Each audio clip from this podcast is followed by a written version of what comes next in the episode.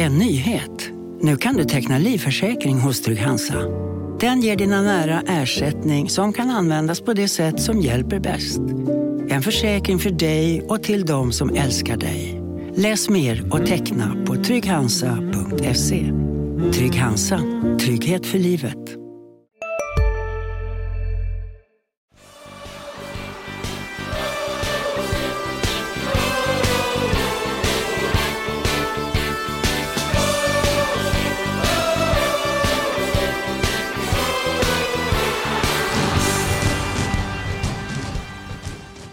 Tävlingssäsongen hann inte mer än komma igång förrän den sattes på paus igen. Så kan man nästan säga när det gäller Landskrona Boys, för det har blivit två raka 0-3 förluster i Svenska Kuppen och så blir det en betydelselös sista gruppspelsmatch mot Akropolis i helgen. Det är ett av de stora ämnena i veckans avsnitt av Landskrona Boys podden. Välkomna till er som lyssnar och med mig här har jag Sebastian Rönnström och Erik Persson. Mycket Svenska kuppen blir det prat om. Ja, det blir det. Vi är mitt inne i den eh, tävlingen. Den har ju inte gått särskilt bra ur eh, nordvästskånsk eh, synvinkel. Eh, både Landskrona Boys och HIF eh, är ute, men eh, det gör ju inte att det finns mindre att prata om. Det är ändå intressant. Så att, eh, vi ska grotta ner oss i, i Boys matcher mot, mot Östersund och Mjällby. Vi skulle kunna lägga till sydskånskt perspektiv också. Malmö FF är också ute ur det, så det har inte varit någon skånsk men det, jättehistoria. Men det går bra för Trelleborg. Precis, det finns ett undantag där. Ja. Det kanske man inte såg på förhand att det var just Trelleborg av de fyra lagen som skulle vara mest framskjuten. Nej, jag trodde ju på Lödde, men eh, det har blivit sådär med det. Okej, 0-3 senast igen då mot Mjällby. Mjällby som ju Landskrona Boys inledde försäsongen med att spela 0-0 mot. Men när det väl var tävling, då var Mjällby klasser bättre som de egentligen ska vara också enligt pappret. Eftersom Mjällby slutade femma i allsvenskan förra året och Boys är ju nu nykomling i superettan. Så det ska ju skilja de här lagen åt. Ja, men det ska det ju göra och jag eh, tycker att alltså, även om det fanns liksom tendenser så i Borgs spel så visade sig ändå klasskillnaden eh, mellan lagen precis som, som det borde vara på, eh, med tanke på Mjällbys kvalitet. Eh, Boys fick ju en, en mardrömsstart på matchen redan i den tredje minuten när Taylor Silverholt eh, hoppade upp och vann en nickduell mot Johan Rapp. Och sen så fick, eh, fick Boys eh, jobba i, eh, i motvind hade, hade det kämpigt med att få igång sitt eget anfallsspel. Även om man stundtals hade en hel del boll så, så, så kom det liksom inte riktigt någon slutprodukt eh, ur det utan eh, ja, man, man, man testade sig fram men, men det låste sig ganska så mycket när det väl kom till kritan. Det kändes som Boys låg, låg steget efter hela matchen. Både, alltså, både vad gäller snabbhet i huvud och i fötter. Eh, och, och Mjällby, som Sebbe är inne på, Mjällby lät ju Boys ha mycket boll. Men det hände ju inte alls mycket i sista tredjedelen. Det var, det var statiskt och ganska håglös eh, insats. Det, det är svårt att liksom såga eh, en superettan-nykomling som förlorar med 3-0 mot ett, mot ett allsvenskt lag. Men, men om vi jämför med, med matchen innan dess mot Östersund så, så var det ju fler bra tendenser tycker jag eh, ur ett boysperspektiv. Eh, den här Mjällby-matchen var, var sämre eh, rent prestationsmässigt så som, så som jag bedömer det. Om vi tittar på hur matchen utvecklade sig då. Ja, Sebbe, du pratar om att Johan Rapp förlorade en nickduell. Ja, där får man väl ändå vara så pass ärlig och säga att han inte ens var nära för att kunna konkurrera i den nickduellen. En klar markeringsmiss. Det andra målet är ju väldigt väl placerat skott, för att inte tala om det tredje målet som är sjukt hög klass och oerhört snyggt. När man ser det där 3-0 målet från Mjällby så tänker man ju, åh, skulle han sätta en till sån på 10 försök? Tveksamt. Men å andra sidan, är man i allsvenskan så ska ju kvaliteten finnas för att kunna göra just sådana där mål. Ja, jag, jag tycker man ser ett mönster här med de här målen. att Visst, 3-0 målet, jättesnyggt och så. Men vad, vad, vad var pressen? Det var avvaktande, det var passivt eh, voiceförsvar. Likadant, vi, eh, du pratar om att Johan Rapp inte var med i, eh, i markeringen där i straffområdet. Ja, spelarna som skulle sätta in pressen och, och organisera det runt omkring eh, var inte där heller. Så att eh, det var en passivitet eh, från, från första stund egentligen, eh, kändes som. Och det är det jag menar med att de, de låg steget efter i, i hela matchen. Och det är väl inte, jag tycker inte det är så konstigt. Eh, Boys hade ju faktiskt inte bästa laget heller. De har ju gått runt lite. Hampus Färm eh, hade det varit eh, liksom en avgörande, avgörande match i, i november eh, som handlade om, handlade om, om överlevnad så hade han kanske inte startat. Nu fick han 70 minuter. Ehm, och eh, ja, Linus Olsson och Filip Andersson saknas sedan tidigare. Kevin Jensen klev av redan i 25. Eh, och sen så i andra halvlek så bytte man ju runt. Vilket jag för övrigt kan tycka är rätt att man går runt eh, på folk eh, i kuppen och inte satsar allt på detta. För det är någonstans superettan som är, är det absolut viktigaste. Men kom det ändå inte lite överraskande, eller man kan ju bli förblindad av det också hur matcher har gått innan tävlingsmatcherna kommer. Att Boys imponerade, man slog Kalmar borta bland annat. Och sen så när det blir på allvar. Ja, man hade kanske förväntningar på Boys som inte riktigt var rimliga då utifrån hur andra lag tar sig an eh, kuppen. Alltså nu har vi sett eh, vissa lag, Malmö FF då som vi nämnde i början till exempel, som ju har, har stått för svaga prestationer i kuppen. Men det är klart att de här eh, allsvenska lagen, att det är en annan sak eh, även för dem att kliva in i eh, i tävlingssäsongen. Att, eh, att de växlar liksom upp när det, när det väl eh, gäller. Eh, samtidigt så är ju det här något av en ny situation för Boys. Eh, jag pratade med Boys tränare Billy Magnusson om just det här eh, för, eh, inför matchen då mot Östersund, den första cupmatchen. Eh, och han pratade om att det är en ny situation för dem på det sättet att de måste skicka rätt och, och göra hundraprocentiga insatser i flera matcher efter varandra. Eh, I, I ettan i fjol till exempel så var ju Boys ofta det spelförande laget. De, de var klart bättre än sina motståndare och fick eh, föra matcherna medan motståndarna ofta backade hem och försvara sig. Nu det, möter man ju motstånd som bjuder upp till dans på ett helt annat sätt och då blir det också en utmaning att, att ständigt eh, liksom växla upp och hålla den höga nivån som kommer krävas i, i den här typen av matcher.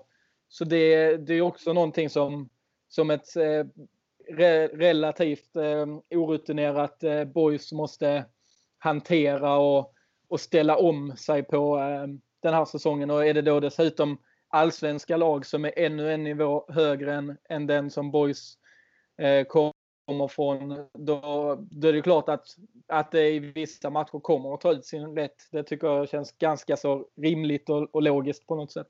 Mot Kalmar berömde jag omställningsspelet, vilket var ett positivt eh, besked att det funkade.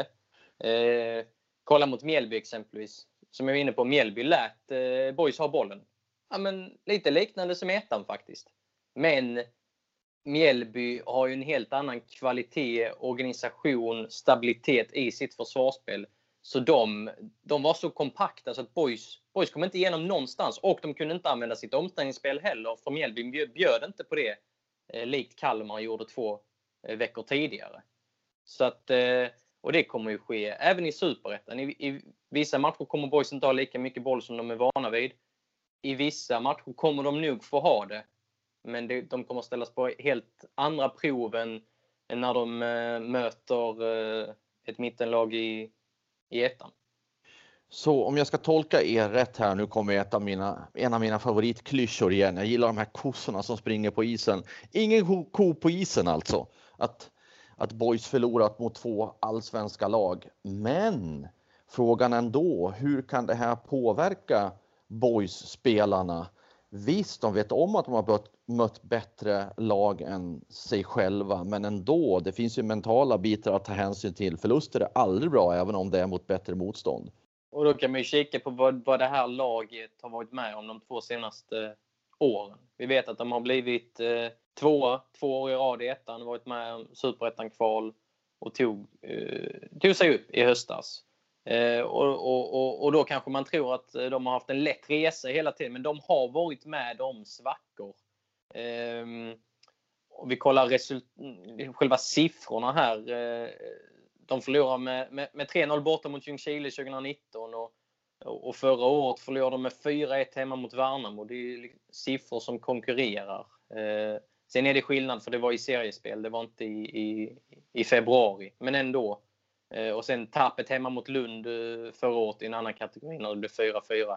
Eh, men en förlusttrend, ja då kan vi backa till sommaren 2019 när de förlorade tre raka eh, seriematcher och under den perioden tog de en poäng på fem seriematcher och eh, åkte dessutom ur eh, DM mot eh, division 3-laget Lödde, som jag nämnde tidigare, som är med i Svenska cupen nu. Eh, så att de har varit med om eh, Eh, ett gäng uppförsbackar eh, trots att de eh, till mångt och mycket har varit ett vinnande lag de två senaste åren. Men en förlusttrend, det var ändå ganska länge sedan med tanke på det du refererar till Erik. Så blir det sådana långa mellanrum så är det ju jättebra för, för ett lag för det betyder ju att då har man spelat bra långa perioder. Men ju, ju mindre ofta de här förlusttrenderna kommer, desto mindre vana blir man ju vid att hantera dem också. Så det finns ju en, en plus och minus sida på det här. Det är aldrig yeah. bra att förlora, så kan man säga. Men... Så, så kan man absolut säga. Och sen som sagt, det, det är svårt att jämföra de här eh, perioderna med varandra. Det, jag är liksom inne på att det, det är inte konstigt att de eh, har förlorat de här matcherna. Sen var det säkert många som förväntade sig mer och jag trodde också att, att Boys kanske resultatmässigt skulle ligga närmare än 0-3 gånger 2. Men eh, det kanske kan vara någon form av uppvaknande också. Eh, det har ju som sagt funnits, eh, funnits många exempel genom åren på, på, lag som har satsat väldigt hårt på kuppen och sen så har de ja, men bränt sig inför eh, seriestart. Jag vet att HFs nuvarande assisterande tränare Mattias Lindström som basade över Eskilsminne tidigare var inne på det. Att de satsar lite för mycket eh, i, i cupgruppspelet, nu ska vi se, året 2019 när de mötte Hammarby bland annat.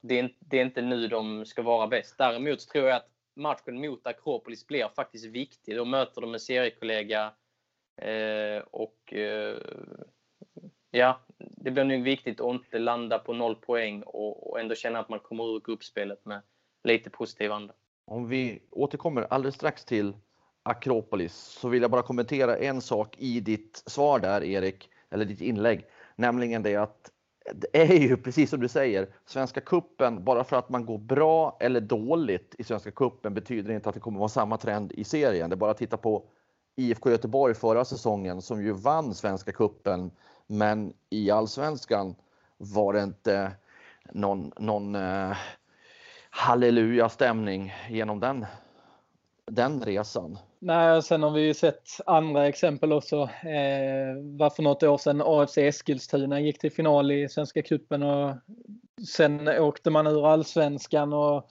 Gais eh, har ju också gått, gått långt tidigare. Nu gör ju de det bra även den här säsongen men de har ju aldrig de senaste säsongerna fått det att stämma i superettan och de har liksom harvat runt på nedre halvan fast att man har slått tunga lag i, i Svenska cupen Eh, på, ehm, i början av säsongen. Så det, man, man ska nu ta det lite för vad det är, eh, det här med Svenska cupen. Att vissa lag är, bra på att träffa formen tidigt, vissa träffar den alldeles för tidigt och orkar inte hålla i den sen och, och andra lag helt enkelt prioriterar annorlunda.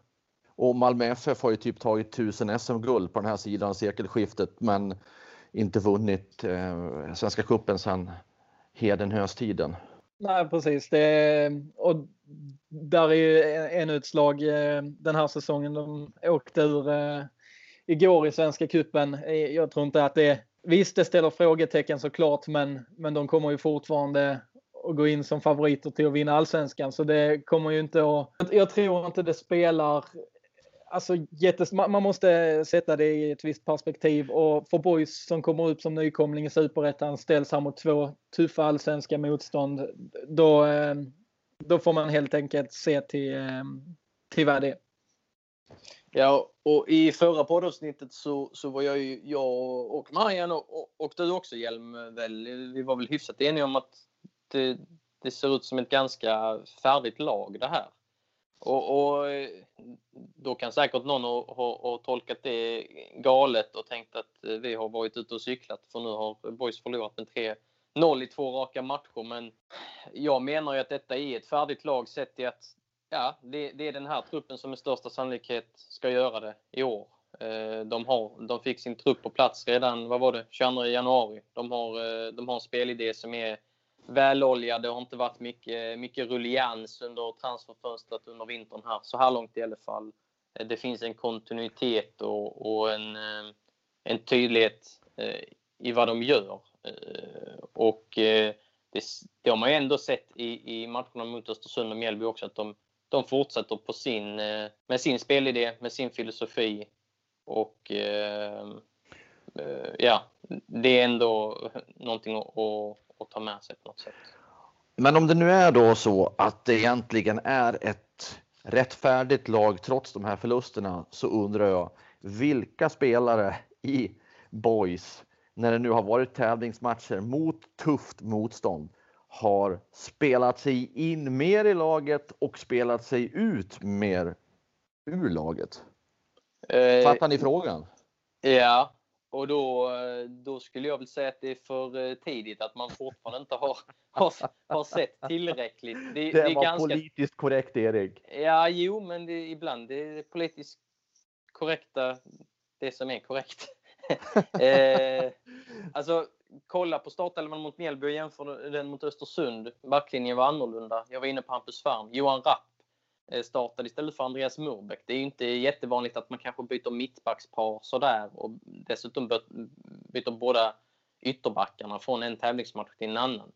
Det signalerar att det är, det är ändå försäsong. Svenska cupen är tävling, absolut, men det ligger under försäsong så det blir lite svår, eh, svår balansgång. Så Billy Magnusson och, och Max Möller testar ju fortfarande. Eh, likadant med de här bytena i halvtid senast. Jag tycker det är intressant att Melker Heier får en hel del speltid i år. Och han, han är en sån som har stärkt sina aktier. Sen eh, ska det nog mycket till för att han startar i en superettan-premiär, men han har stärkt sina aktier. Johan Rapp har nog över tid gjort det efter några väldigt bra insatser. Eh, även om han inte var extremt lyckad nu mot Mjällby. Eh, Suman Nadjed har gjort Eh, några pigga ingripanden i de här eh, två senaste matcherna efter, efter att han har gjort comeback och så. Eh, så att jag tror det är väldigt jämnt på många platser. Eh, sen finns det ju vissa som ligger väldigt långt ifrån speltid. Det är bara Luka Petrovic, Emil Jönsson har inte varit med i någon trupp. Pasi Prodens var 19 man i, i första matchen och så vidare. Det är inte så att vi är för snälla här nu då mot Billy Magnusson och Max Mölder. Du pratar här nu Erik om att ja, det är fortfarande en testperiod. Men tänk om det är så här att de egentligen inte vill hålla på och testa utan famlar i mörkret för att de inte hittar rätt uppställning, för att de inte är helt nöjda med hur vissa spelare presterar från match till match. Ja, så, ja, så kan det ju också vara. Man kan inte, man kan inte testa så här. Vi är specialister på det vi gör, precis som du. Därför försäkrar vi på Swedea bara småföretag som ditt. För oss är små företag alltid större än stora och vår företagsförsäkring anpassar sig helt efter firmans förutsättningar. Gå in på swedea.se företag och jämför själv. Hej, Synoptik här. Visste du att solens UV-strålar kan vara skadliga och åldra dina ögon i förtid? Kom in till oss så hjälper vi dig att hitta rätt solglasögon som skyddar dina ögon. Välkommen till Synoptik för lång tid så jag fattar ditt resonemang. Vad är det nu? Fem veckor till seriestart. 10 ja. april, april, har de ja. comebacken i Superettan hemma mot Värnamo.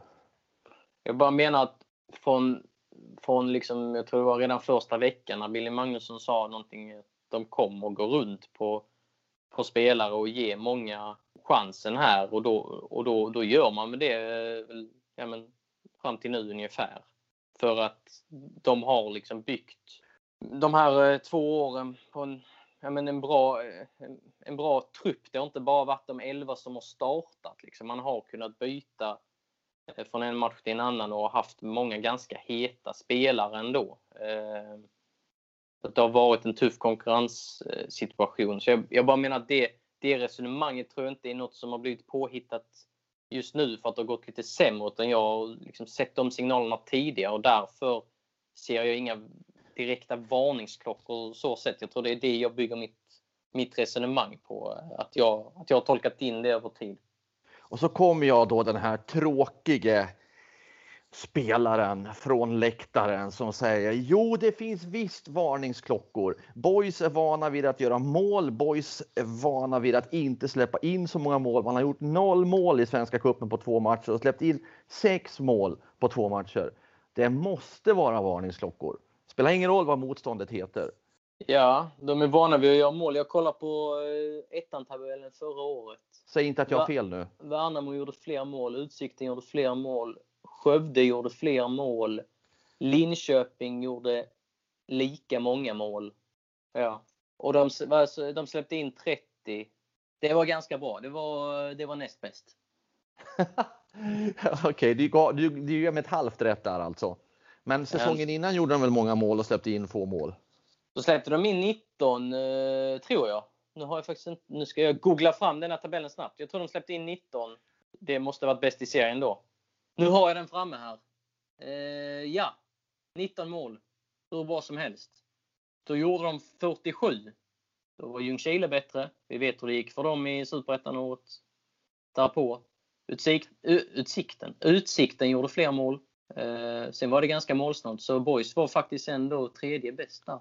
Ja, precis. Shit vad vi snöar in på detta nu. Ja, vi kan i alla fall konstatera att Boys målsnitt framåt i Svenska cupen den här säsongen har varit 0,0. Ja, det är enkel matematik. Det fattar till och med jag. Och i snitt tre mål insläppta på två ja, matcher. Det, vi är helt överens där. Skönt att vi kom fram till en, en gemensam slutsats så vi inte blir ovänner här. Precis. Vad säger vi, var, vi var inne på det, om ni inte har lyssnat på eh, förra avsnittet så radar vi upp eh, anfallarnas eh, målsnitt över tid också. Där Erik Persson, Just, väl, jag slog fast att det är han man ska förvänta sig mest av, även om det är Niklas Nilsson som har bäst målsnitt. Men det finns ju förklaringar eh, till det. Eh, men Erik Persson är ju en sån spelare som, eh, du var inne på spelare som har spelat sig ur laget. Det är, det är att ta i alldeles för mycket. Men eh, han eh, känner flåset i nacken från eh, Robin Hoffsö. Det är jag alldeles säker på. För Erik Persson har in, inte varit bra i de två Jag vill bara lägga till protokollet att jag har inte slagit fast att han spelat sig ur laget. Utan var mer en fråga om vilka som eventuellt har spelat sig ja, ur men det, laget. Mitt ja, men det jag sa var ju anspelat på din, ja, okay. på din fråga.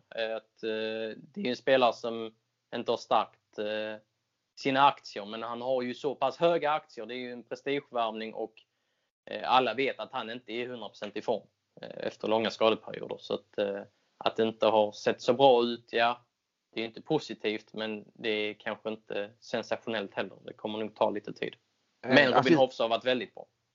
Om vi nu släpper in Sebbe här igen i det här resonemanget. Du som har suttit och lyssnat på, på oss här nu. Är vi, är vi snett på det? Nu får du agera expert här. Ja, nej, men det tycker jag väl inte. Alltså, det är klart att noll mål framåt på de här två matcherna, tre insläppta i båda, är, alltså, att det inte är positivt. Men samtidigt har man ju mött allsvenskt motstånd som man inte har gjort tidigare.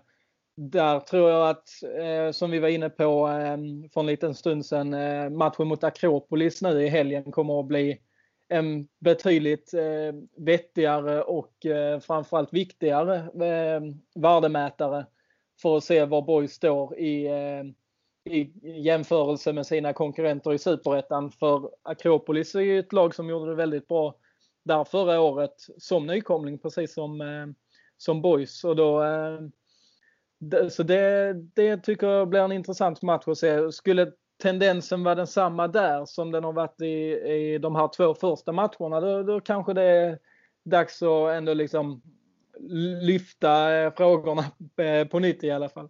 Om vi tittar på den matchen då, Akropolis, kommer Boys att kunna gå in i den? Kommer Billy och Max att kunna motivera spelarna att okej, okay, vi är ute i Svenska Cupen, men det här är en väldigt viktig match för oss inför, i förberedelserna inför Superettan.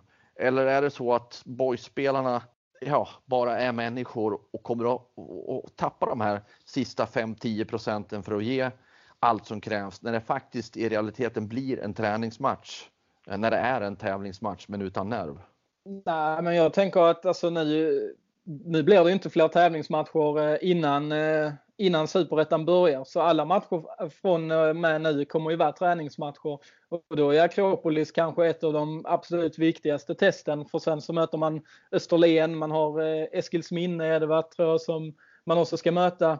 Eh, och det är ju en helt annan form av motstånd. Så just den här, även om det inte är en tävlingsmatch, så är det kommer inte de andra matcherna framåt seriestarten vara heller utan då, eh, då är det viktigt att man eh, tar det på, på största allvar eh, ändå och det är ju såklart eh, som Erik nämnde innan också viktigt för ett lag att inte liksom sluta på noll poäng i Svenska cupen utan ändå ha med sig någon slags positiv känsla från eh, gruppspelet. Viktor Wihlstrand var inne på det i, i tv-sändningen direkt efter förlusten mot Mjällby att personligen är den här matchen väldigt, väldigt viktig. Och eh, jag tror att, att det är en sån, eh, sån spelare, en sån karaktär som lägger ribban lite där och hjälper tränarna på traven. Skulle det vara no, någon, form av, någon form av motivationsproblem så, så tror jag att de har en, en del spelare som, som ser till att, att höja den nivån. Så det är klart att det är speciellt. Det hade varit en helt annan nerv eh, om, om matchen hade gällt någonting. Eh, och nu kanske man gör några byten i halvtidspaus för att gå runt på lite spelare. Eh, hade, hade allt handlat om resultatet för att gå vidare så, så hade man kanske matchat på lite annorlunda sätt och så vidare. Men sen alltså, kolla på lite individer. Robin Hofsö. Svårt att se honom eh, liksom, eh, avslagen om han får chansen mot Akropolis exempelvis. Han kommer springa som han alltid gör och, eh, och så vidare. och så vidare. Så jag tror att en del spelare ändå ser sin chans här och spelar sig närmare en startplats. För det finns som sagt några positioner som är öppna. Tar vi det där igen här, för nu pratar du om att eh, det kommer säkert bli en del byten i halvtid och så vidare och så vidare och så vidare. Nej, säkert. Nej, det är inte, inte säkert, men det kanske kan bli det. Ja, eh, precis. Det finns ju en skillnad om man bara jagar ett resultat i en match. Är du med vad jag menar? Ja, ja. Eh, men vad jag tänkte komma till var att är det inte nu man måste börja sätta en tilltänkt startelva eller är det för tidigt? Om nu den här matchen är så viktig fast den inte har någon nerv i sig för att kunna gå vidare från gruppspelet. Men att inte fortsätta vända och vrida och byta och pussla och, utan okej, okay, nu har vi sett tillräckligt. Nu är det de här spelarna vi, vi försöker bygga in en startelva kring. Eh, helt, ja. helt tyst. Eh, ja, men vi går ja. vidare. eh, jo, eh, jo, alltså du är inne på något absolut. Jag vet inte eh, hur, hur Billy Magnusson och Max Mölder eh, tänker. Och återigen, jag kan tänka mig att man, man kanske startar med Robin Hofsö. Han har inte startat en enda match i år, fast att han har varit outstanding i vissa matcher. Erik Persson har inte varit outstanding. Är Svante Hildeman tillbaka från sin ögonskada, ja men då vill man väl se honom i en ändå i en tävlingsmatch. Amokadora har, har fått förtroendet nu senast. Och hur gör man med Andreas Morbäck och Johan Rapp? Jag vet inte om, om, om någon vet vem som är bäst där och det är kanske lite utifrån matchbild också. Johan Rapp är, är bättre på att skära linjer eh, med sitt offensiva mittbackspel. Andreas Morbäck är mer fysiskt präglad och så vidare och så vidare. Så jag vet inte. Det känns som jag kommer med något jäkla icke-svar här nu. Men eh, ja, jag vet inte. Nej, nu ska jag ge dig cred. Du kom inte med ett icke-svar. Jag tyckte det var, det var intressant att du nämnde Hofsö där och Hildeman och jag tänkte fylla på med att är det en spelare som faktiskt verkar ha ett väldigt högt förtroende framgent också är ju Viktor Wihlstrand. Det verkar som att det är, han har de bestämt sig för på en av de två mittbacksplatserna. Det är i alla fall så jag tolkar det jag ser utan att veta det. Men man får ju också läsa in saker och ting utifrån hur de faktiskt ställer upp. Så ja. han känns ju nästan sä säker i startelvan nu, eller? Ja, och han har ju, han har ju kaptensbindeln också. Och eh, det, med hans eh, extremt vältränade kropp så kan han ju spela eh, 7-90 minuters matcher i veckan känns det som. Så det är nog inga belastningsproblem där. Och han känns ju absolut som, eller han, han är ju etta här och nu. Sen kan det faktiskt bli tal om, eh, om eh, lite konkurrenssituation för Viktor Wihlstrand den dagen Filip Andersson kommer tillbaka. För eh, då bör ju Filip Andersson rimligtvis vara etta. Mm. Och sen kan vi också, tror jag, nästan slå fast, det är lite farligt att göra det, men det är också kul att sticka ut hakan och det här är inte så, det, är inte, blir inte så lång haka här, men Kevin Jensen kommer att spela, eh, Filip Olsson kommer att spela. Sen är det också intressant att se hur Billy och Max väljer att formera vänsterback, högerback, blir det Alexander Tekac, Jonas, eller Jonathan Asp till vänster eller blir det, och sen blir det Hampus Färm eller Dennis Olofsson till höger. Och här kanske också finns tendenser vilka som faktiskt har presterat bäst så här långt. Ja absolut. Kevin Jensen, jag vet inte, jag sitter inte på någon info här nu kring hans skadestatus. Så att, eh, vi vet inte om han spelar just mot Akropolis. Han klev ju av redan i tidigt mot Mjällby i den 25 minuten. Men, eh, men du tänker lite längre. Du spånar lite mot en superettan-premiär på något sätt. Ja. Ja, då, Filip då... Ottosson kan vi lägga in där också. Måns Ekvall känns som två andra pjäser som ligger väldigt eh, stabilt. Ja, det är ju, de har, det har jag varit inne på innan, de har många, många inom men det, det gäller att eh, Zuma Almadjed, Passi Prudens, Emil Jönsson och Melker Heijer verkligen steppar upp och, och skapar en konkurrenssituation här. Eh, för att annars känns de där tre som du nämnde ganska givna. Eh, Måns Ekvall har faktiskt varit förvånansvärt svag i de här två cupmatcherna tycker jag. Men jag har varit inne på tidigare att, att jag tror att han passar in bra i en hel del matchbilder i, eh, i Superettan. Och där vet vi inte riktigt var Zuma Almadjed står än. Han är inte 90 minuters eh, eller har inte spelat 90 minuter än efter sin ljumskada. Jag tror inte det är helt omöjligt att vi kommer att få se under säsongen med tanke på att Boys, eh, en av deras stora fördelar eh, enligt mig är att de har två spelare på varje position som är som är ja, men bra. Eh, det är klart att det är vissa så här Filip Olsson, Kevin Jensen, Viktor Wihlstrand till exempel som vi har nämnt som, som får anses givna och, och klassen bättre än sina konkurrenter eh, i laget. Men med tanke på den bredden som ändå finns så är det nog inte helt omöjligt att man kan anpassa eh, startelva lite efter motstånd, vilken typ av spelare man vill ha på de olika positionerna beroende på vilka man möter. Så jag tror inte att, att man kanske nu under försäsongen eh, vill liksom rista in en startelva i, i en sten utan att man kommer istället att, att fortsätta testa sig fram eh, vilken typ av spelare passar mot den här typen av motstånd och så vidare. Så där tror jag nog att, eh, att vi kan se en, en hel del laborerande, kanske även i superettan eh, beroende på matchbild, vilken matchbild man förväntar sig helt enkelt. Ja, jag, jag, jag är inne på din eh, linje också Sebbe. Eh, Zuma Almadjed kontra Måns Ekvall är ett ganska bra exempel där, även om Zuma Almadjed har eh, blivit hårdare och bättre i duellspel och så vidare. Så, så, i grunden skiljer de sig åt. Men det kan mycket väl vara att man spelar som Almadjed som sexa, alltså sittande mittfältare istället för Måns Ekvall i en match. För att man eh, tror att det passar bättre just Eh, i den matchen. Sen kanske det slutar med att Måns Ekvall startar fler matcher i den positionen över tid. Men, men jag tror också att man kan laborera så. Inte för mycket, men att det kommer finnas några sådana positioner eh, där man kan eh, köra runt lite. Ska man då se de här två matcherna som varit nu i Svenska Cupen ur det perspektivet så skulle man kunna tänka sig att Billy och Max då fått en del svar av att okej, okay, de här spelarna fungerade inte hundraprocentigt mot den här typen av motstånd, mot den här typen av spel. Så det är ju inte helt förödande att få stryk med ganska klara siffror i matcher så länge det inte är poäng det handlar om. Nej, och uh, åter, jag nämnde Hampus Färm. Jag tror det är jättebra att han fick 70 minuter här mot Mjällby. Han är, han är helt färsk i sin roll och det räcker med ett par skador så ska han gå in i superettan och spela. Då tror jag att man är ganska glada att, att han har den här erfarenheten i ryggen. Melker Heijer likaså. Eh, han gjorde inte många framträdanden i ettan förra året eh, och, och blev uppflyttad till A-laget för drygt ett halvår sedan. Jättebra att han har fått matchats mot allsvenskt motstånd för det kan mycket väl vara att han får en hel del speltid eh, i superettan.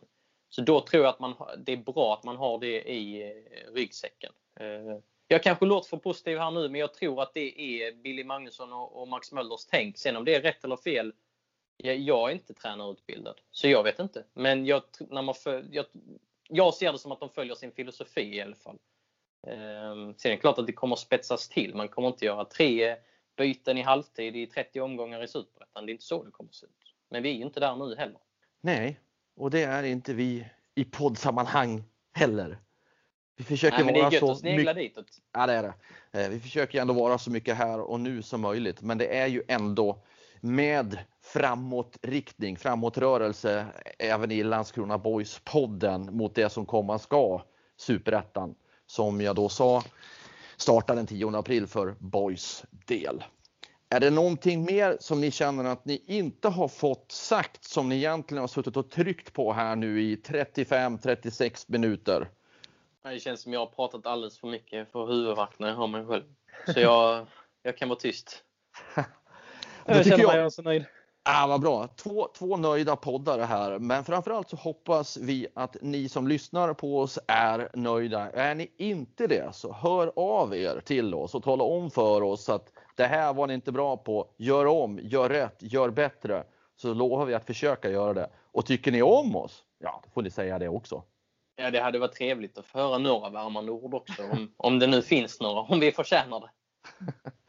Hör av er, det är alltid, alltid angenämt med meningsutbyte och interaktion med er som faktiskt följer oss. För det är för er vi gör det här. Vi sätter punkt för den här veckans avsnitt tycker jag. Och så återkommer vi framöver med nya avsnitt. Ni vet var ni hittar oss. Vi säger tack för nu.